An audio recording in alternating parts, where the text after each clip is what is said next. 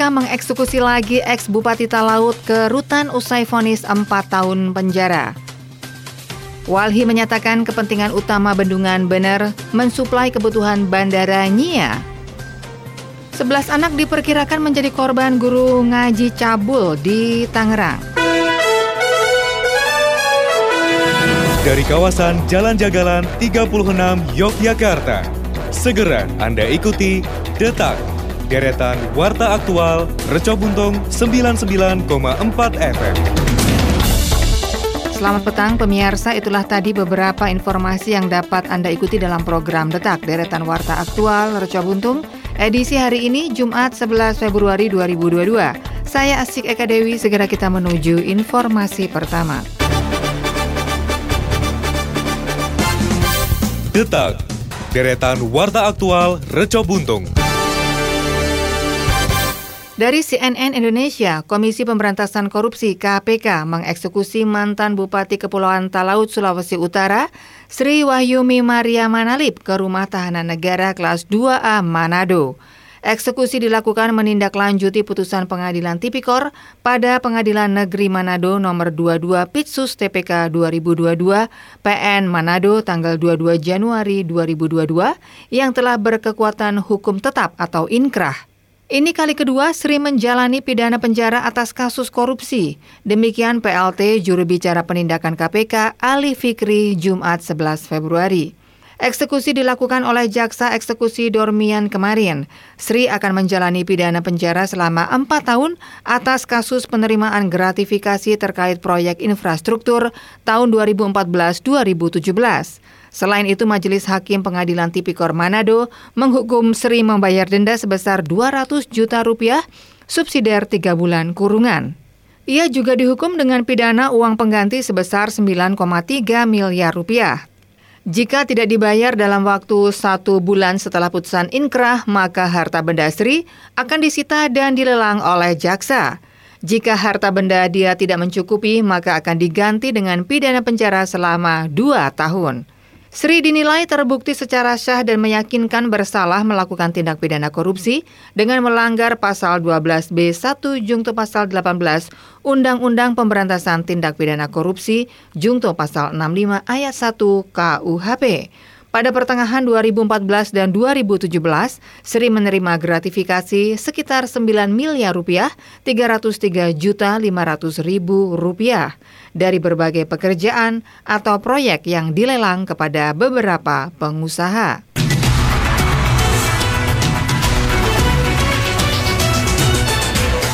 Pemirsa dari CNN Indonesia, Direktur Eksekutif Wahana Lingkungan Hidup Walhi Yogyakarta, Halik Sandera mengungkapkan bahwa fungsi utama bendungan benar akan digunakan sebagai penyuplai air di New Yogyakarta International Airport atau NIA Kulon Progo. Ia mengacu pada analisis dampak lingkungan atau AMDAL bendungan benar. Hampir setengah dari aliran air bendungan benar akan digunakan untuk kebutuhan NIA dan Kulon Progo. Menurut Halik, klaim bahwa bendungan akan digunakan untuk kepentingan umum tidak sepenuhnya benar. Pasalnya, kepentingan utama pembangunan bendungan benar adalah memfasilitasi Kulon Progo sebagai lokasi bandaranya. Meski demikian, ia turut membenarkan bahwa sebagian dari bendungan benar akan digunakan untuk irigasi meskipun bukan sebagai tujuan utama. Menurut Halik, proses pembangunan bendungan yang membutuhkan material dari penambangan kuari di Desa Wadas Bener, Kabupaten Purworejo akan berdampak buruk untuk desa tersebut.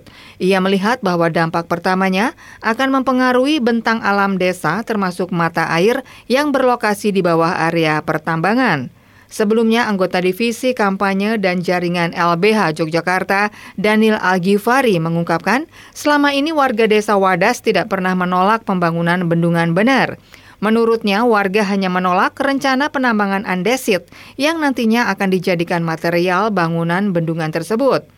Selama ini dikatakan Daniel, warga Wadas yang mayoritas adalah petani menggantungkan hidupnya dari lahan pertanian. Sedangkan lahan yang diproyeksikan untuk pertambangan dan bendungan benar tersebut mencaplok lahan pertanian mereka.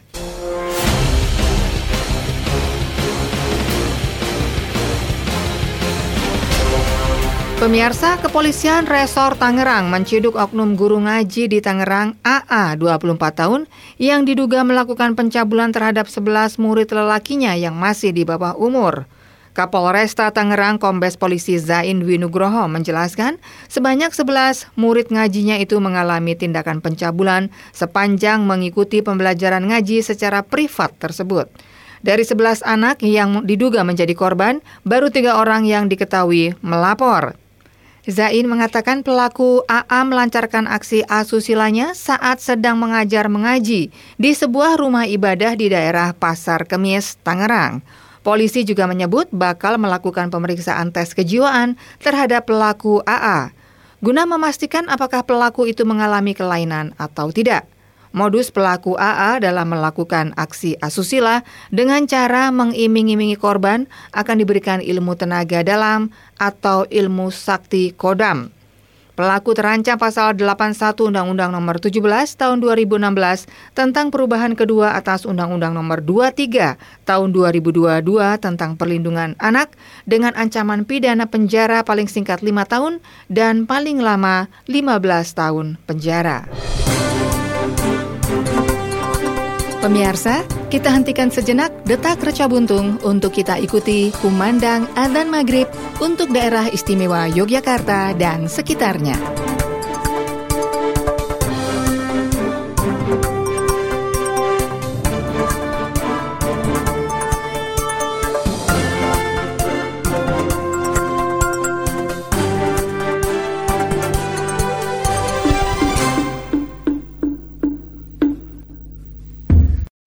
الله أكبر الله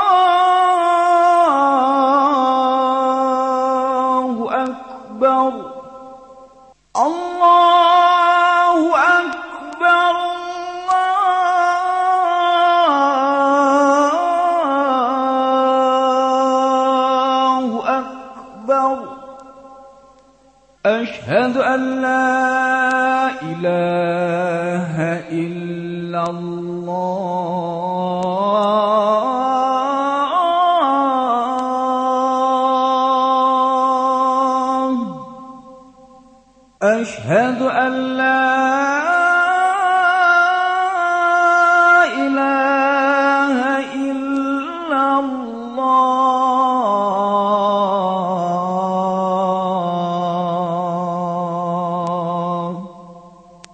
أشهد أن محمد رسول الله.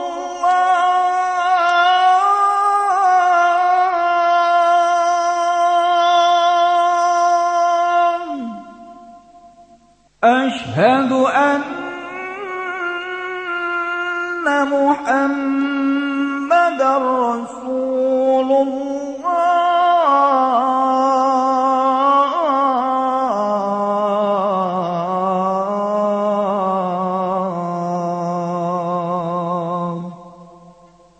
حي على الصلاة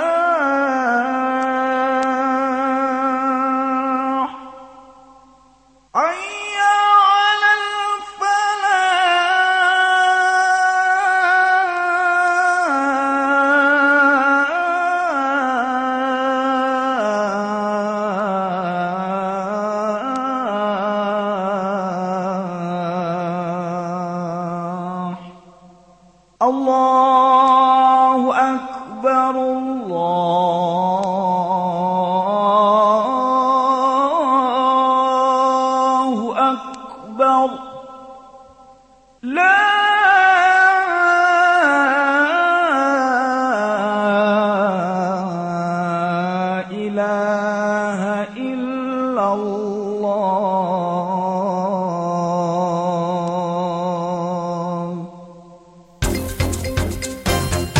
Pemirsa, kembali Anda ikuti Detak, deretan warta aktual Reca Buntung.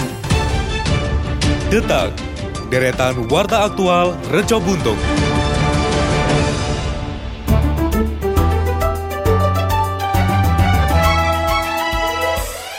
Baik pemirsa, masih Anda ikuti Detak, deretan Warta Aktual Reca Buntung bersama saya Asik Eka Dewi. Segera akan hadir rekan-rekan reporter yang akan menyampaikan beberapa berita daerah di segmen Jogja Selintas. Baik, terima kasih rekan Asik Eka Dewi. Pemirsa Jogja Selintas kami awali dari Sleman. Dikutip dari tribunjogja.com. Kasus COVID-19 yang meningkat beberapa hari terakhir berpengaruh pada tingkat hunian tempat isolasi terpusat atau isoter di Kabupaten Sleman. Saat ini, dari dua isoter yang dioperasikan, yaitu di Asrama Haji dan Rusunawa Gemawang, telah terisi sebanyak 95 persen. Demikian dijelaskan oleh Makon selaku Kepala Pelaksana BPBD Kabupaten Sleman yang merinci pasien COVID-19 di asrama haji berjumlah 44 orang dan saat ini tersisa 92 bed. Sementara di shelter Rusunawa Gemawang terdiri dari 51 pasien sehingga masih tersisa 50 bed. Ia berharap semuanya tetap terkendali. Sebelumnya pemirsa juru bicara Satuan Tugas atau Satgas Penanganan COVID-19 Kabupaten Sleman, Safitri Nur Maladewi mengatakan, penyebaran COVID-19 varian Omikron ditengarai lebih cepat dibandingkan varian Delta, meskipun tingkat fasilitasnya dinilai lebih rendah. Karena itu, berdasarkan rapat dengan pemerintah pusat, pihaknya mengaku telah diminta mengaktifkan kembali shelter isolasi terpusat atau isoter. Dan saat ini Kabupaten Sleman mengoperasikan dua shelter isolasi yaitu di Rusunawa Gemawang dan juga Asrama Haji. Dua shelter tersebut digunakan untuk menampung pasien COVID-19 bergejala ringan. Jika dua shelter tersebut tidak mencukupi, rencananya akan kembali mengaktifkan shelter isolasi di Universitas Aisyah atau UNISA dan juga di UII. Saat ini pengaktifan dua shelter sedang dalam persiapan. Beralih ke Kulon Progo, pemirsa, sebanyak 17 siswa dan satu tenaga pendidik di Kabupaten Kulon Progo dinyatakan terkonfirmasi positif COVID-19 dari hasil surveillance di tengah berlangsungnya pembelajaran tatap muka atau PTM. Juru bicara penanganan COVID-19 Kabupaten Kulon Progo, Baning Rahayu Jati, mengatakan program surveillance menggunakan swab PCR kembali dilakukan di 8 sekolah. Hasilnya, Satuan Tugas COVID-19 menemukan 18 orang yang positif COVID-19, sehingga PTM di sekolah yang terdapat temuan kasus dihentikan sementara dan diganti secara daring. Dengan adanya penambahan kasus, maka total kasus positif COVID-19 menjadi 23 kasus dari hasil surveillance sebelumnya yang tercatat 5 kasus. Bani menjelaskan program surveillance PTM tahap 2 di Kulon Progo terus dilakukan. Satgas COVID-19 telah memeriksa sebanyak 356 sasaran dari total 2.337 target sasaran di 61 sekolah. Demikian pemirsa informasi dari Sleman dan Kulon Progo, sumber berita dari tribunjogja.com. Kita beralih ke berita kota Yogyakarta bersama rekan dari Pradita. Silakan dari. Baik, terima kasih Maida Mara. Pendengar Gubernur DIY Sri Sultan Hamengkubuwono ke-10 menyatakan kasus COVID-19 varian Omikron telah ada di DIY. Hal tersebut diketahui dari sejumlah sampel dari para pelaku perjalanan yang datang dari luar daerah istimewa Yogyakarta. Setidaknya ada 73 kasus positif Omikron dari 83 sampel yang diperiksa dari hasil tracing swab mandiri yang dilakukan para pelaku perjalanan dari luar Jogja di rumah sakit atau klinik sebelum meninggalkan Yogyakarta. Hal tersebut disampaikan Gubernur DIY Sri Sultan Hamengkubuwono ke-10 pada Kamis 10 Februari 2022 di Bangsal Kepatihan Yogyakarta. 83 sampel tersebut dilakukan di laboratorium UGM dan laboratorium Balai Besar Teknik Kesehatan Lingkungan dan Pengendalian Penyakit. Seiring dengan hal tersebut, maka Gubernur DIY Sri Sultan Hamengkubuwono ke-10 menyatakan Pemda DIY akan mengaktifkan kembali aktivitas-aktivitas perangkat COVID-19 sampai pada level di kelurahan. Untuk itu, Sultan hanya berharap masyarakat untuk lebih berhati-hati dengan tetap menjalankan protokol kesehatan dengan benar, utamanya menggunakan masker. Di sisi lain, Kepala Dinas Kesehatan DIY Pembayun Setianeng Astuti menyatakan total kasus Omikron di DIY terbagi menjadi 39 kasus merupakan hasil pemeriksaan BBTK LPP dan 34 sampel lainnya hasil pemeriksaan Fakultas Kedokteran UGM. Sebagian besar Omikron adalah sampel dari pemeriksaan mandiri pelaku perjalanan yang tidak berdomisili di DIY. Pembayan juga menyatakan bahwa masyarakat masih harus tetap waspada terkait kasus COVID-19 karena tidak hanya Omikron, namun terbukti kasus Delta juga masih ada. Pendengar pencegahan dan penanggulangan COVID-19 serta perlindungan tenaga kerja di industri digital menjadi fokus dalam peringatan Bulan Keselamatan dan Kesehatan atau K3 Nasional tahun 2022. Kepala Dinas Tenaga Kerja dan Transmigrasi DIY Aryan Nugrahadi pada kegiatan puncak peringatan Bulan K3 Nasional di Pendopo Agung Royal Ambaruk menyatakan perlindungan tenaga kerja di DIY diterapkan melalui dua skema, yaitu menggunakan BPJS Ketenaga Kerjaan dan BPJS Kesehatan. Sementara Asisten Sekretaris Daerah Sekda DIY Bidang Perekonomian dan Pembangunan Trisaktiana saat membacakan sambutan Menteri Tenaga Kerja dan Transmigrasi Republik Indonesia menyatakan kecelakaan kerja tidak hanya menyebabkan kematian, kerugian material, moral, dan pencemaran lingkungan, tetapi juga mempengaruhi produktivitas dan kesejahteraan masyarakat. Untuk itu, K3 diperlukan untuk mencegah dan mengurangi kecelakaan dan penyakit akibat kerja serta jaminan setiap tenaga kerja dan orang lain yang berada di tempat kerja mendapat perlindungan atas keselamatannya. Selain itu, K3 juga menjamin setiap sumber produksi dapat dipakai dan digunakan secara aman dan efisien dalam mendukung kelancaran proses produksi. Lanjut, dinyatakan wajib lapor ke tenaga kerjaan dalam jaringan WLKP online menunjukkan jumlah perusahaan di Indonesia mencapai 399.391 dengan tenaga kerja sejumlah 11,2 juta orang. Sementara itu, data BPJS Ketenagakerjaan menunjukkan terdapat 82 ribu kasus kecelakaan kerja dan 179 kasus penyakit akibat kerja sepanjang Januari hingga September 2021. Sebanyak 65 persen kasus penyakit akibat kerja disebabkan oleh COVID-19. Pada kesempatan tersebut juga diberikan penghargaan dari Gubernur DIY kepada beberapa perusahaan terkait penghargaan program pencegahan dan penanggulangan HIV dan AIDS di tempat kerja serta penghargaan program pencegahan dan penanggulangan COVID-19 di tempat kerja DIY. Demikian informasi dari Kota Yogyakarta, saya dari Pradita. Segera kita menuju ke rekan Meida Mara.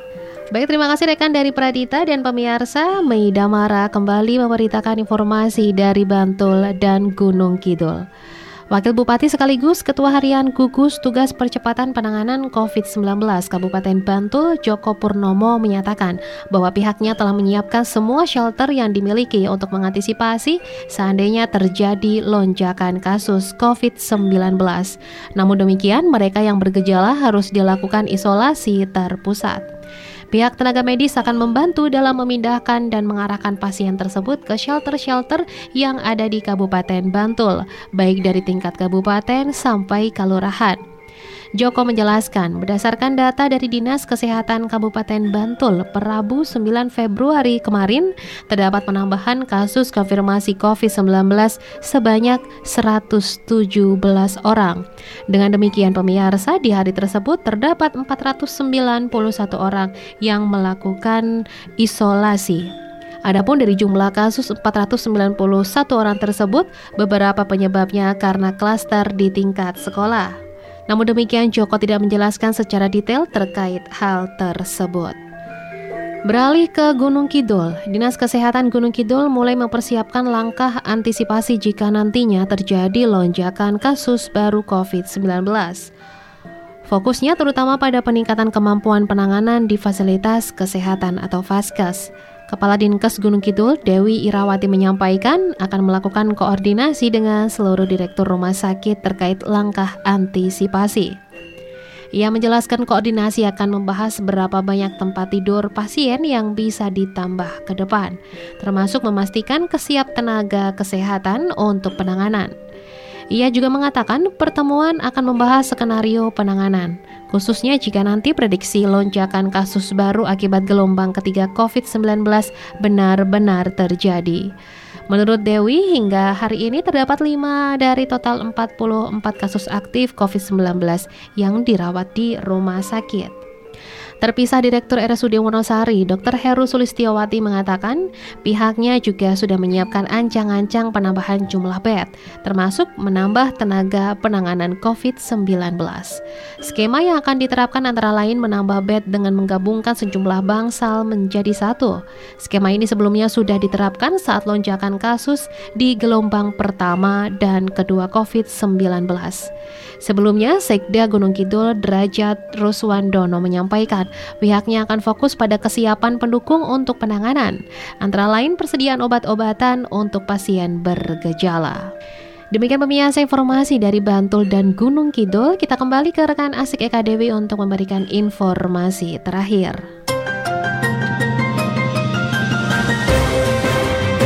Terima kasih untuk rekan-rekan reporter yang sudah mengabarkan informasi di segmen Jogja Selintas. Dan pemirsa, sekarang kita sampai ke informasi yang terakhir.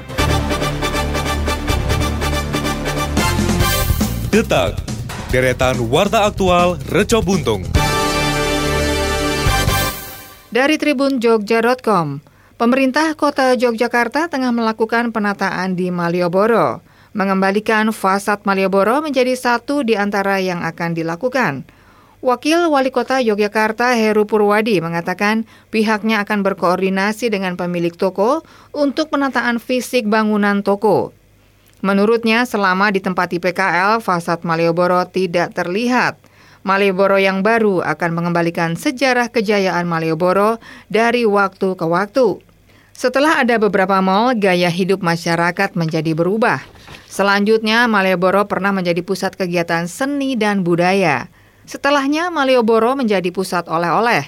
Dengan adanya penataan, pemerintah ingin agar Malioboro bisa hidup dengan wajah baru. Ia memastikan pedestrian Malioboro murni dimanfaatkan untuk pejalan kaki.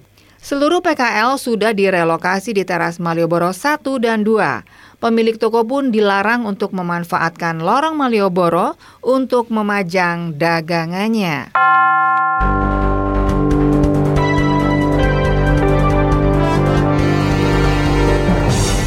Pemirsa waspada virus corona. Penularan dari manusia ke manusia lewat cairan, batuk, bersin, dan berjabat tangan. Virus ditularkan jika Anda menyentuh cairan orang terinfeksi, lalu menyentuh area mata, hidung, mulut. Gejala-gejala yang perlu diperhatikan: batuk, pilek, sakit tenggorokan, demam, sakit kepala, dan sesak nafas. Hotline Kemenkes terkait virus corona di 021 5210 411 atau 081 2121 23119.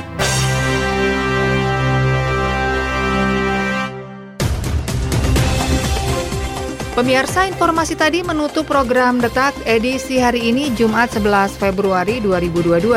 Ikuti Detak Kesehatan dan Gaya Hidup Reco Buntung esok petang pukul 18 waktu Indonesia Barat.